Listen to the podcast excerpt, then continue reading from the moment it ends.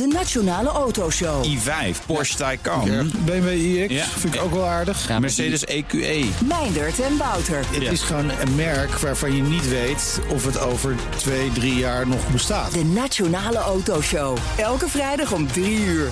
De Nationale Autoshow wordt mede mogelijk gemaakt door Van Mossel. Van Mossel, voor mobiliteit voor iedereen. De helft van de Joodse Israëli's ziet de Israëlische Arabieren liever vertrekken uit hun land. Die Arabieren, Palestijnen, hebben er juist genoeg van om als tweederangs burgers te worden behandeld. Er is niks aan de hand met de bitcoin. En dat is opmerkelijk, want de koers staat vandaag wel bijna 40% lager dan vorige week. En de in de energiewereld belangrijke organisatie IEA zegt dat we maar beter kunnen stoppen met zoeken naar nieuwe olie- en gasvelden. Shell had gisteren zijn AVA en daar denken ze er net iets anders over. Dit is Nieuwsroom, de dagelijkse podcast van het Financiële Dagblad en BNR Nieuwsradio. Met het nieuws verteld door de journalisten zelf. Ik ben Mark Beekhuis en het is vandaag woensdag 19 mei. Hallo, Jean Dome van het Financiële Dagblad. Dag Mark, goedemorgen. We gaan het hebben over dat enorme geëxplodeerde conflict weer. Wat, eh, ja, het- sowieso gaan we het er weer over hebben. Maar ook het conflict zelf is natuurlijk weer geëxplodeerd eh, tussen Israël en...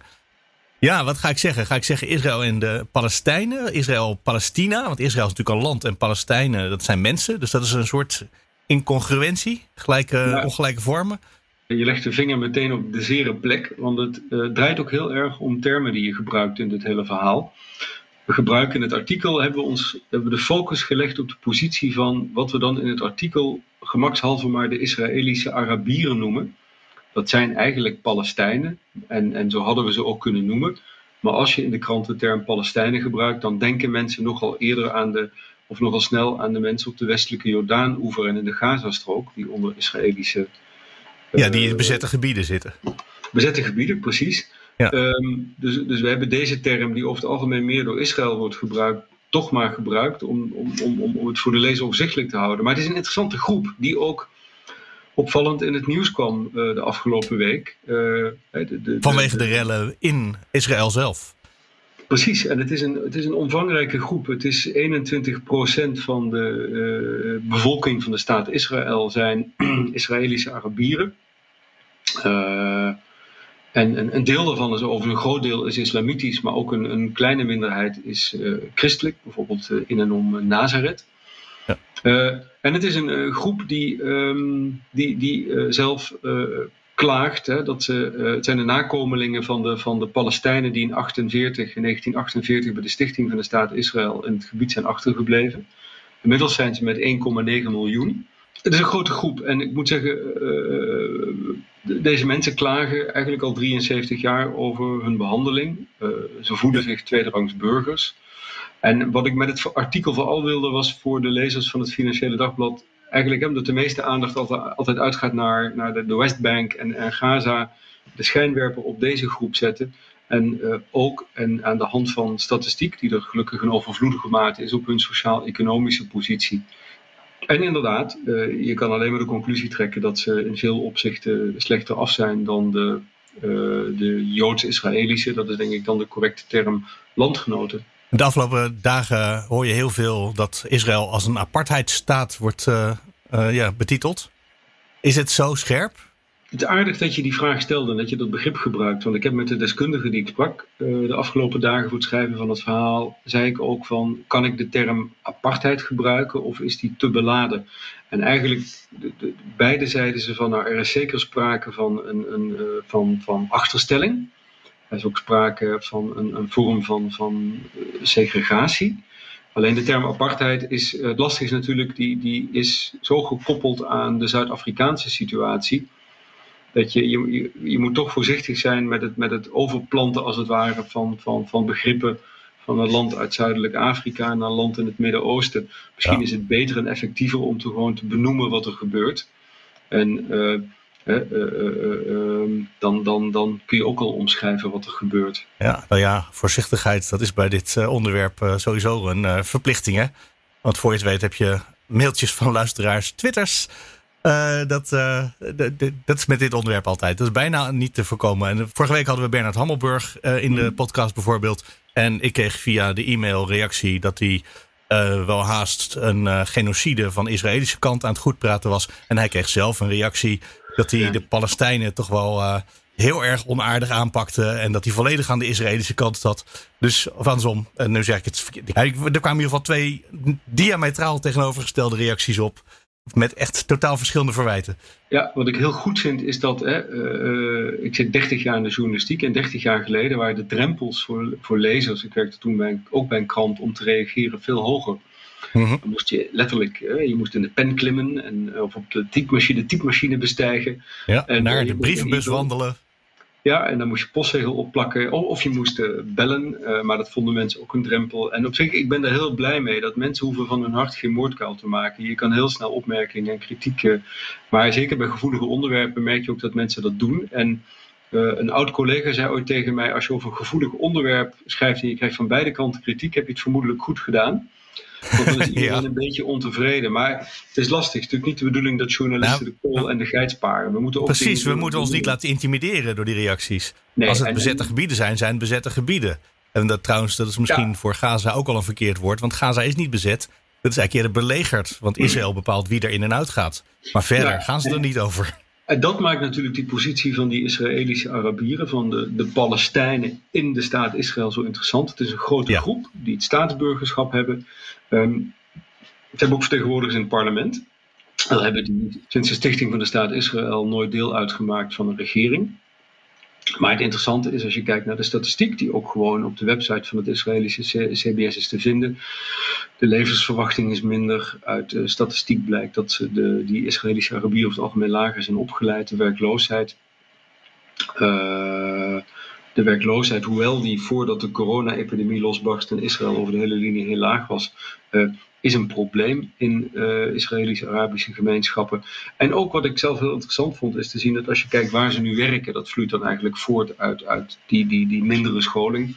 Dus dat ze over het algemeen lager opgeleid en ook slechter betaald werk hebben. Je ziet dus dat hè, Israëli's zijn. Uh, uh, werken relatief meer voor de overheid en de wetenschap in zaken communicatie, financiële sector. Nou, denk ook aan ICT en zo. En waar vind je Palestijnen? Palestijnen vind je uh, de Israëlische Arabieren in de bouw en de transport. Dus bijna clichématig een taxichauffeur en, en iemand die op de steiger staat. Um, dat heeft natuurlijk gevolgen voor hun inkomenssituatie. En je ziet dat uh, als je kijkt naar het uh, BBP per hoofd van de bevolking dat is voor Israël, als ik kijk naar de IMF-gegevens, uh, vorig jaar ongeveer 44.000 dollar uh, per uh, persoon. En je ziet dat dat nadrukkelijk veel lager ligt onder Israëlische Arabieren. Dan baseer ik me op schattingen die ik tegenkwam, is het ongeveer een derde van dat bedrag. Ja. Dus ja, je kan de conclusie wel trekken dat, dat ze in dat opzicht een achtergestelde positie hebben. Ja, en, en um, de statistiek waar ik nog het meeste van schrok uit je artikel is bijna de helft van de Joodse Israëliërs vindt dat, dat blijkt uit een Amerikaans onderzoek, dat Arabieren maar beter kunnen vertrekken uit het land. Ja, dat is, ik, ik, ik, het is lastig. Hè? Ik dacht van hoe kan ik nu, uh, kun je met, met een paar zinnen toch de, de, de houding van, van de Joodse Israëli's ten opzichte van een landgenoten samenvatten. Het is onderzoek van Pew Research. Maar het interessante is ook daar, ik heb niet alle feiten kunnen vermelden. Je ziet ook hoe, hoe, hoe diametraal verschillend die, die waarneming is.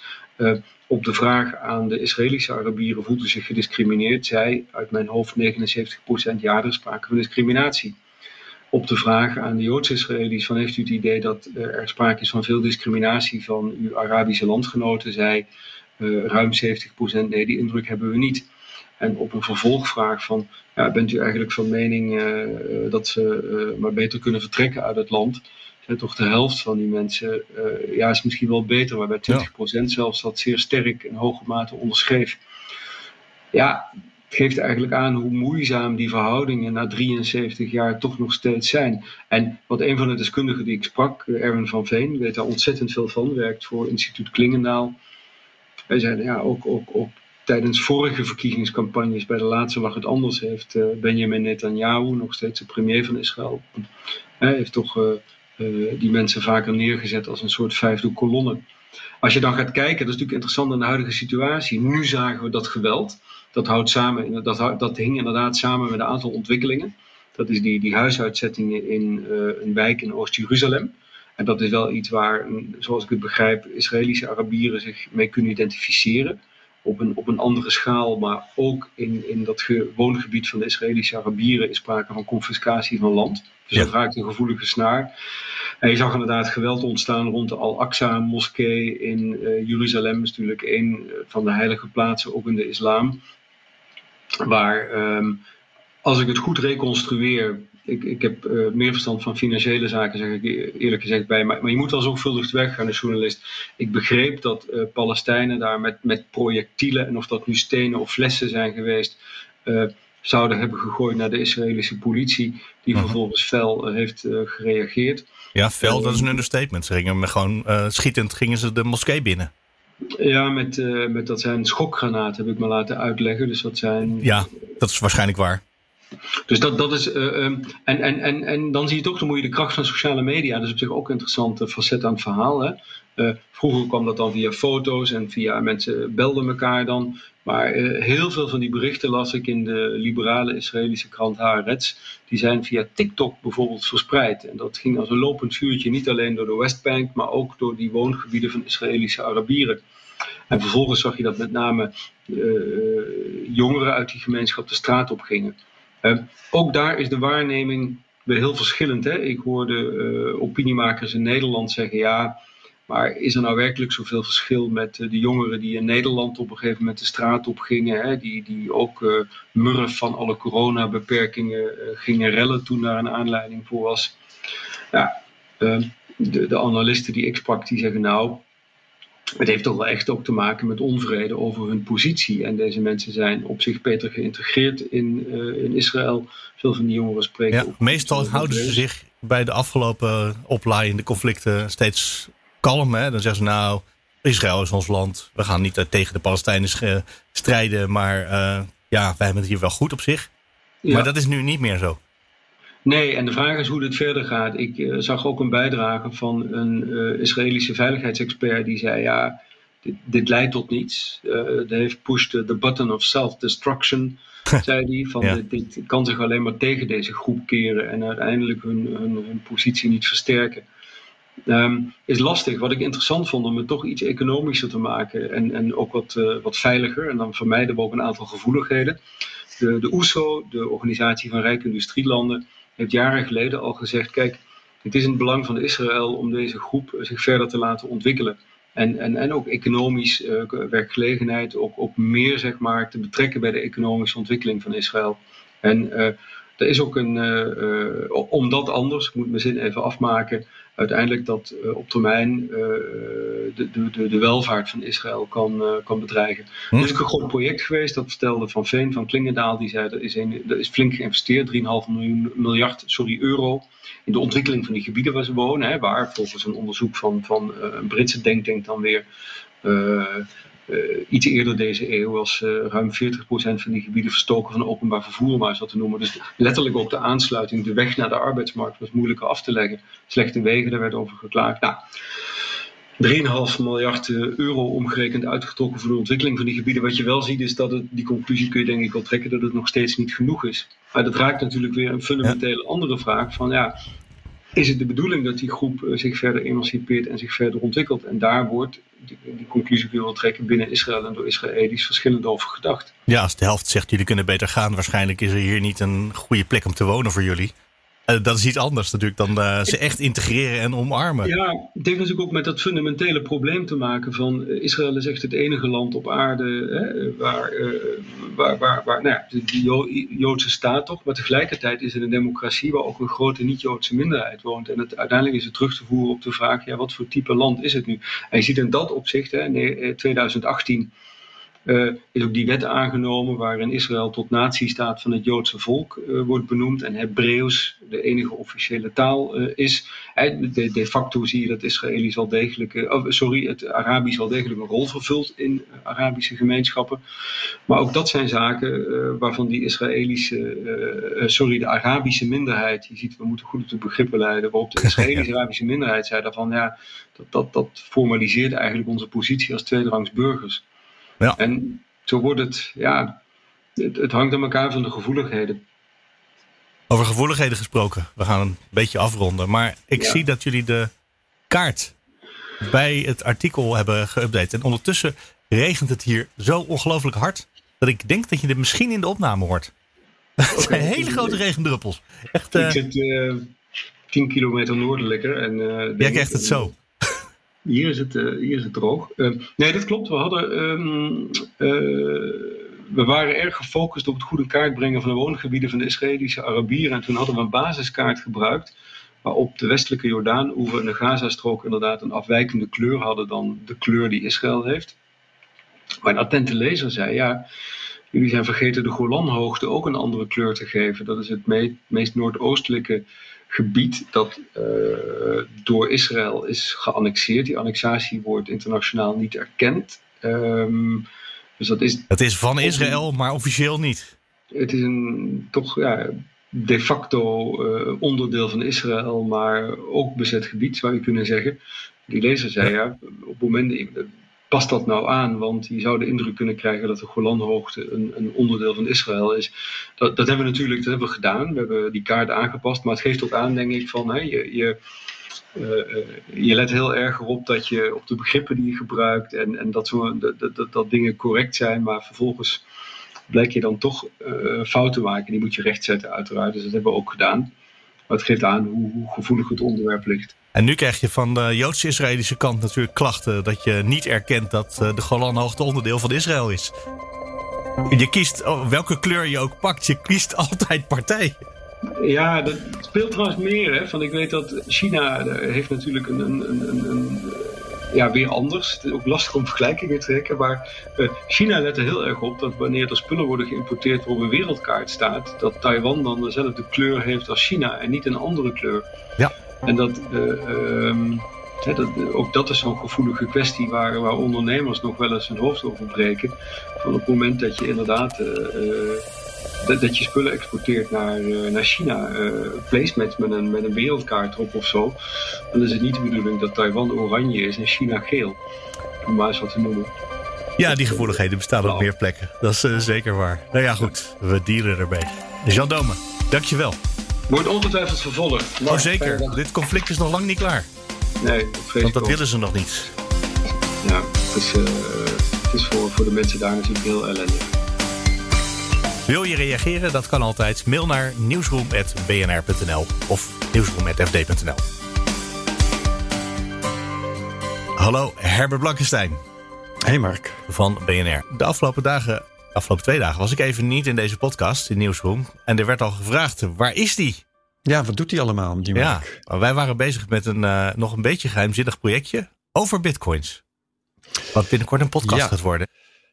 Ja, wij maken een plan voor een, eh, voor een serie. Het het plan is er eigenlijk al.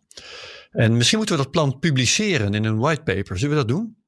Eh, eh, dit klinkt nu als een hele goede tease. Verder gaan we er niks van zeggen. Ja. We gaan meteen naar het nieuws van vandaag.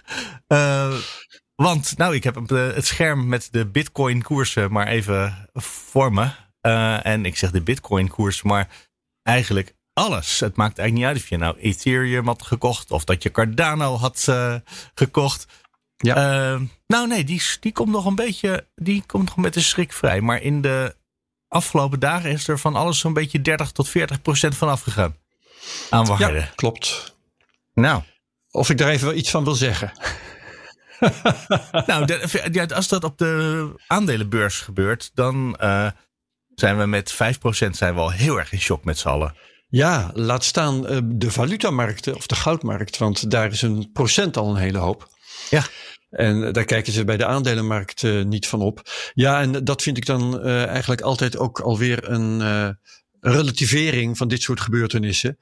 Het is maar net wat je gewend bent. En ik moet zeggen, dit is ook voor de cryptomarkt best wel veel hoor. Maar het is op een bepaalde manier toch ook weer business as usual. Ik heb het vanochtend nog uitgerekend. Er is vergeleken met het hoogtepunt in april, dus ik kijk nog iets verder terug dan vorige week, is er 38% af van de Bitcoin-koers. En dat is net zo'n beetje de grens waar eh, alle kenners die ook eh, 2017 nog hebben meegemaakt, zal ik maar zeggen.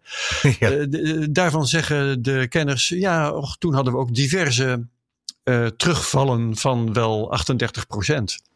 Dus, dus is helemaal niet raar wat er nu gebeurt. Nee, nou ik vind, het, ik vind het eigenlijk wel raar hoor. Want ik ben zelf al een paar weken geleden begonnen met piepen dat uh, de stijging maar niet wilde doorzetten. Ik had zelf namelijk uh, in, uh, even kijken hoor, in um, april was ik gaan zeggen, wel, dit is allemaal nog heel normaal dat het niet verder doorstijgt. Want in uh, 2017 hadden we ook best wel een paar periodes van een maand of twee dat het niet door wou stijgen. Aha. Maar langzamerhand begin ik het best wel een hele uitgebreide periode te vinden. Dat het eerst niet wilde stijgen en nu dan ook nog eens een keertje 38% omlaag gaat.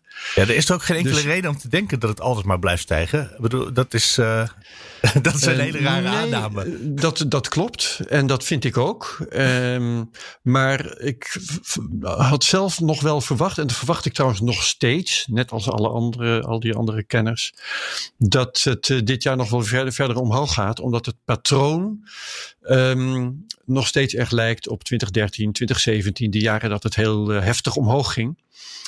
Um, en uh, mijn verwachting, en ik ben daarvoor, daar, daarin ook geen uitzondering, is dat die stijgingen van de bitcoin uh, in die periodes van vier jaar die we steeds meemaken, dat die stijgingen geleidelijk aan minder groot zullen worden.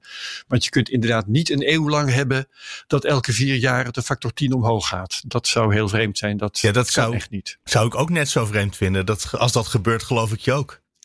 als ik, ja, want er is geen enkele reden. Gebeurt. Ja, er is geen enkele reden om te denken dat de koers omhoog of omlaag moet. We hebben nu een weekend gehad met Elon Musk die een tweet de wereld inslingert.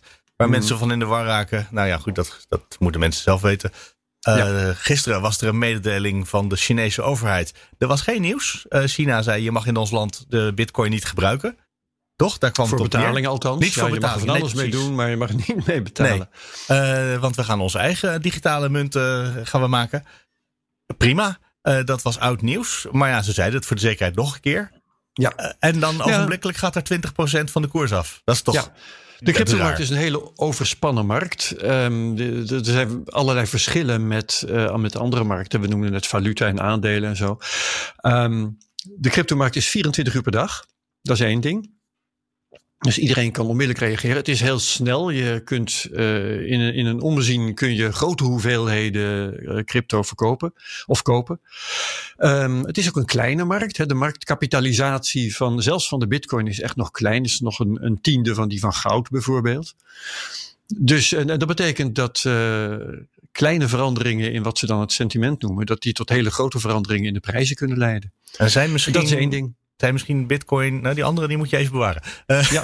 uh, zijn Bitcoin eigenaren misschien nog wat manisch depressiever dan alle uh, beleggers toch al zijn. Ja, is nou, op, op een goed moment heb je een soort gevoel van: ik denk dat de rest van de wereld nu verwacht dat het omlaag gaat. Dus laat ik ja. voor de zekerheid ook maar vast gaan verwachten dat het omlaag gaat, waardoor iedereen elkaar de put inpraat. Of ja. juist helemaal hoog de andere kant uit. Dat versterkt zichzelf. En, en wat je dan hebt, dat is trouwens hetzelfde als met bijvoorbeeld de aandelenmarkten. Um, allerlei handelende algoritmen doen ook mee. Hè? Uh, dus er zijn allerlei bots en dergelijke die bezig zijn met kopen en verkopen. Er zijn allerlei elementen, uh, mensen of, nou ja, ja, laten we zeggen mensen gemakshalve, die ehm, zetten van die automatische verkooporders klaar, van die stop-loss orders. Dus als de koers een stukje daalt, verkoop dan gauw zoveel van mijn bitcoins om te voorkomen dat ik verlies oploop. Nou, dat, dat genereert natuurlijk verdere koersdalingen. Waardoor weer andere van die automatische stop-loss-orders in werking treden. Dus uh, de, die cryptomarkt zit vol met zichzelf versterkende effecten. Ja. En daarom, wat ik nu hoor van mensen die er uh, meer verstand van hebben dan ik, uh, is nu ondanks het feit dat gisteren al geroepen werd, de markt is oversold, hè, dus de koersen zijn eigenlijk lager dan ze zouden moeten zijn, krijg je toch weer door zo'n wilde verklaring van de Chinese centrale bank dat de koersen nog verder dalen en er weer nieuwe automatische orders enzovoort. Op, en grond, betekent, waarvan, op grond waarvan weten we dat de koers eigenlijk officieel te laag zou zijn, want uh, dat zou ik ook willen zeggen natuurlijk. Ja, nee, de koers wordt echt wel een stukje omhoog. Moet wel naar een ton in plaats van uh, omlaag. Dat, dat, is sowieso het geval. nee, maar bedoel, dat kunnen wij wel vinden. Maar er is, ja. toch, is, er, is, is er een objectieve waarde van wat die bitcoin zou moeten zijn? Ja, die zijn er wel, maar um, er is geen formule waar je metingen over de realiteit instopt en waar dan een prijs uitrolt. Hmm. Um, maar er zijn wel, zoals, uh, zoals uh, dat in, uh, in deze wereld noemen, fundamentals. En dan heb je het over het aantal miners en de hash rate. Dat is de mate waarin die miners actief zijn. En wat nog meer. nou, ze schiet me even geen dingen te binnen, maar in ieder geval allerlei technische factoren die je uh, op een lijstje kunt zetten en waar dan een, een mening uit kan rollen. Uh, nou, Bitcoin acceptatie, weet je wel, hoeveel bedrijven Bitcoin accepteren of hoeveel nou, allerlei uitspraken van, van, van belangrijke personen of belangrijke bedrijven, die kun je ook in allerlei algoritmes stoppen die het sentiment meten. Weet je, allemaal van dat soort dingen. Die het klinkt dan toch een beetje als een soort uh, fingerspitsengevoel uiteindelijk. Uh, in plaats van echt een harde Ja, misschien ge geformaliseerd fingerspitsengevoel. ja, oké. Okay, maar er is zoiets als de, de Bitcoin uh, Rainbow Chart. Dat is ook een leuk ding. die geeft de verwachting voor de hele lange termijn aan voor wat de Bitcoin gaat doen. En dat is een kromme die stijgt door de jaren heen, maar die stijgt wel steeds minder. En dat is eigenlijk ook een beetje wat ik bedoel met het kan niet steeds elke vier jaar tien keer zo, zoveel waard worden. Um, dat ja, zou voor mij kan zijn, dat nog steeds hoor. Ja. Nee, nee, nee. Het moet, op een gegeven moment moet het een beetje gelijke tred gaan houden met bijvoorbeeld economische groei. Ja? En ja. Voor ja, iets wat want, uiteindelijk zo... Uh, ja, het is natuurlijk... Uh, iedereen heeft het erover in de hele wereld vandaag. Maar uh, je, kan er geen, je kan er niks mee kopen. Bijna niks. De, bij de meeste winkels kan je er niet mee terecht. dus is, nee, maar wat het, is waar is, waar, je, moet, waar het met de economie wel, te maken heeft. Jawel, jawel, het heeft wel met economie te maken. Want wat het, wat het waard is, moet op een of andere manier gekoppeld zijn aan de waarde die er op de wereld is.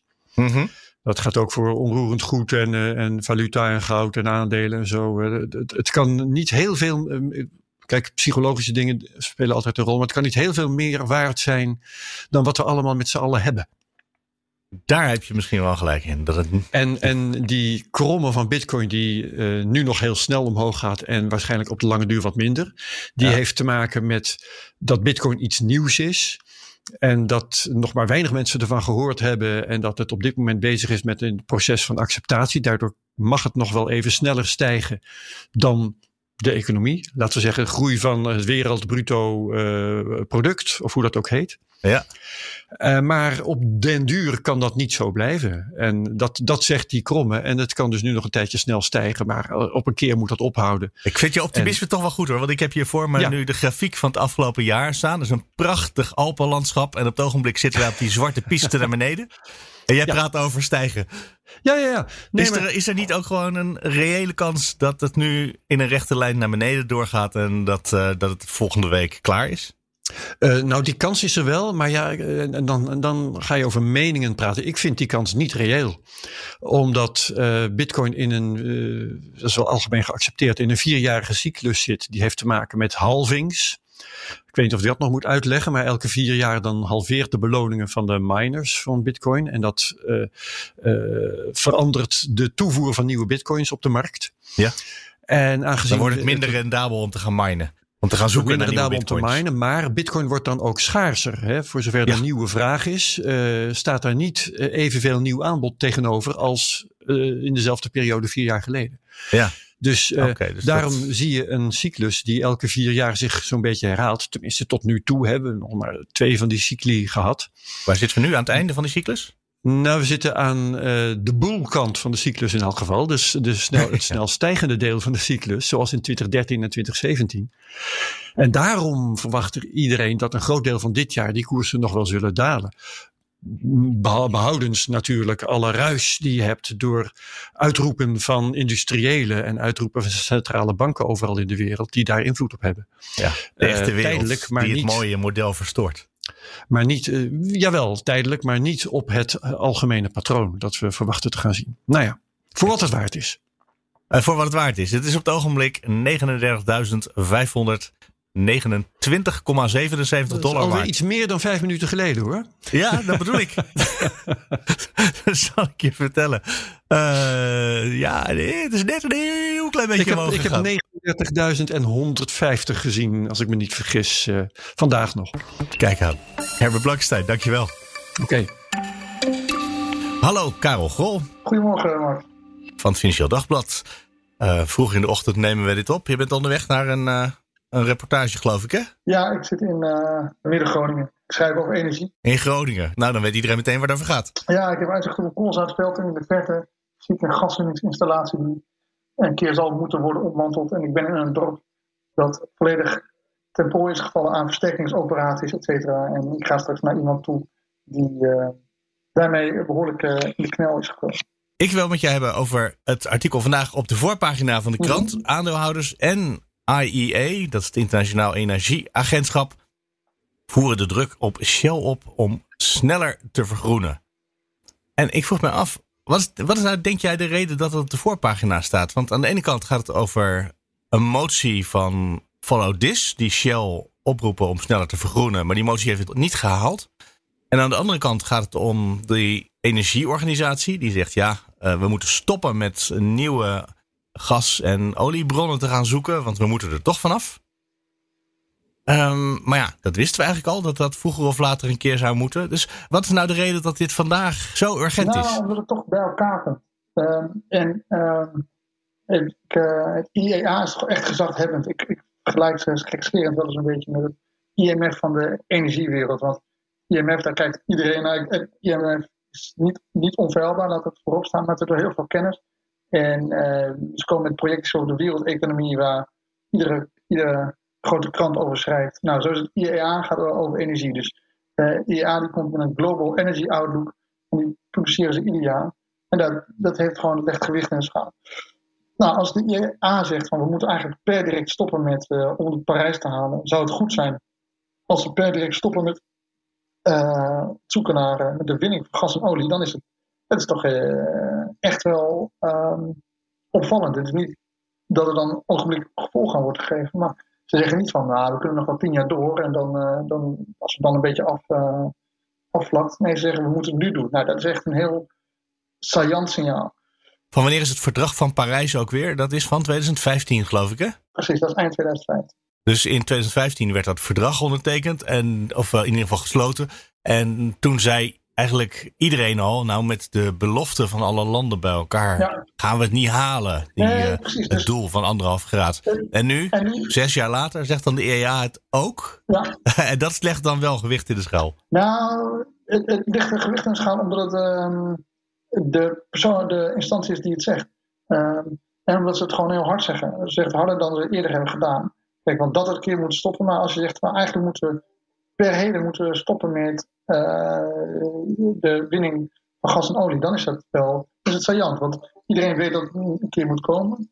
Maar, um, dat, het, uh, maar dat op dat moment zo hard wordt gezegd, dat is wel door zo'n instantie, dat is opvallend. En dat gebeurt op de dag dat uh, Shell voor het eerst een soort uh, zijn klimaatplannen voorlegt aan zijn aandeelhouders. Want Shell heeft een, een groene strategie ontwikkeld. En daar is gros van de aandeelhouders het mee eens. Maar ondertussen uh, is 30% van de aandeelhouders zegt van nee Shell, je moet nog veel meer doen. En dat is gedaan door um, Follow This. En Follow This is een, een activistische groene belegger. Uh, en die is ook al zes jaar bezig, ongeveer rond Parijs. Dus hij zich verenigd om Shell te bewegen om een groenere koers te gaan varen. En uh, destijds kregen ze 3% van de aandelen, nog niet eens 3% van de aandelen achter zich. En nu 30%, dus in een jaar verdubbeld. Dus aan de ene kant heb je dus de, een hele toonaangevende instantie die zegt: jongens, we moeten echt, echt per heden stoppen met de winning van olie en gas. En aan de andere kant heb je 30% van de aandelen Shell. En dat is echt echt een wereldprestatie. Want er staan 4 miljard aandelen Shell uit. Er is geen groot aandeelhouder. Uh, er is vrij veel sceptisch om het bedrijf altijd. Um, 30% van die aandeelhouders die zegt van ja, Shell. Uh, jongens, het is, allemaal, uh, het is niet allemaal leuk en aardig met jullie groene strategie. Je moet gewoon veel meer doen. Dat heb je natuurlijk ook gisteren heb je dit met uh, Pauline in de podcast besproken. Dat Follow This dat graag wil. Maar aan tegelijkertijd 70% van de aandeelhouders van Shell zegt ja, dat zal wel. Wij zijn gewoon een oliebedrijf. Mhm. Mm -hmm. En het bestuur van Shell zit ook op die lijn. Die zeggen, ja, er is vraag. Dus als wij het niet gaan leveren, dan is er heus wel een ander slecht oliebedrijf ja. wat het dan wel gaat doen. Ja, zeker, maar als het nu 30% is en het volgens jaar 50% is en het um, jaar daarna 70%. Follow zelf zegt van um, ze kunnen ons niet langer negeren. Nou ja, als je een groot aandeel, als je 30% hebt van je aandelen, aandeelhouders die willen dat je iets uh, gaat doen. Ze hoeven natuurlijk niks te doen, hè? daar heb je helemaal gelijk. En ze kunt allemaal naar het, naar neerleggen. Je, je, hebt vast gisteren Ben van Beurden gezien. Mm die deed zijn uiterste best om het wel te negeren. Die zei, wij hebben gewoon ons eigen plan. Ja, ja, dit is helemaal niet nodig. En hij zegt ook, uh, dit is inderdaad, uh, als wij het niet doen, dan pompt iemand anders het wel op. En er is nog steeds vraag naar energie. En wij zijn alleen maar, wij voldoen alleen maar aan die vraag. Dus ook de vraagkant, dus je moet allemaal veranderen. Dat is allemaal waar. Maar niet te minder. Als 30% ja. zegt, je moet wat doen. Uh, en volgend jaar krijg je diezelfde aandeelhouders, aandeelhouders weer in de ogen. En het jaar daarna weer. Het is gewoon, ehm, ik, betekent niet dat Shell stand nu iets moet gaan doen. Maar het betekent gewoon, het is een signaal dat de druk wel opbouwt. En ik, had, ik, ik vind 30% gewoon heel veel. Ja, daar moet dan de sector en de samenleving iets mee. Ik heb heel lang geleden een programma BNR Duurzaam gemaakt. Waar mhm. ook altijd hetzelfde probleem terugkwam. Dat de overheid zei, ja, we zijn afhankelijk van de bedrijven, die moeten het regelen. En de bedrijven zeiden, ja, we zijn afhankelijk van de overheid. Die moeten de wetten gewoon goed maken, zodat wij ons daarnaar moeten gedragen. Dat gebeurt nu ook weer, hè, want de Shell zegt, als wij het niet oppompen, pompt iemand anders het op. Dus dan moet iemand voorkomen dat als Shell ermee stopt, dat dan iemand anders ermee gaat beginnen. En dat is dan de overheid die het moet doen. Dus dan zit Follow This, uh, die zit natuurlijk nu aan de kant van Shell te drukken. Maar er moet tegelijkertijd ook iemand bij de overheid regelen dat dan niet, weet ik veel, BP of een, eh, een andere ermee aan de haal gaat. Nou ja, dat is, dat is ook wat Shell zegt. En om er nog weer, om het van een cynische blik uh, te bekijken. Ik las ergens dat als jij, uh, je kan beter een olie- of gasveld hebben dat door Shell of door een uh, beursgenoteerd bedrijf wordt geëxploiteerd, want die moeten open zijn en die moeten zich verantwoorden. Terwijl als je dat uh, laat exploiteren door een private equity gesloten entiteit, dan, uh, dan, is het, dan schijnt het nog weer veel vervuilender te zijn. Ja, dat heb ik gelezen in één commentaar, dus hou me te goed, ik weet niet of het waar is. Maar dat, ik, ik, de gedachte erachter, die snap ik ja, wel. Ja, daar zit vast een kern van waarheid in. Ja, precies, dat dacht ik ook wel. Dus, maar dat ontslaat Shell en de zijne niet van de plicht om toch ook weer te vergroenen. Dus, maar dat het, wat het alternatief moet zijn, dat is wel dat is een hele, hele verre. En uh, dat weet ik ook niet. Gelukkig uh, ben ik niet voor. Karel Gol, we hebben niet de allerbeste verbinding ooit. dus ik denk dat we het misschien snel gaan afronden. Vandaag ga je lekker dat, uh, wat was het ook weer? Uh, Cora, geloof ik, hè? Nee, ja, ik, ik, sta, ik, ik sta bij een, uh, bij een prachtig geel koolzaatveld, maar ik ga zo meteen naar iemand die volgens mij in een wisselwoning achter Iemand die, die zijn hele huis ja, uh, ontwricht heeft zien worden door aardbevingen. Daar gaan we binnenkort over lezen in het Fische Dagblad. Voor nu, Karel, dankjewel. Ja, jo, bedankt. En zo komen we aan het einde voor vandaag toch in elk geval. Want morgen zijn we er weer. Graag tot dan.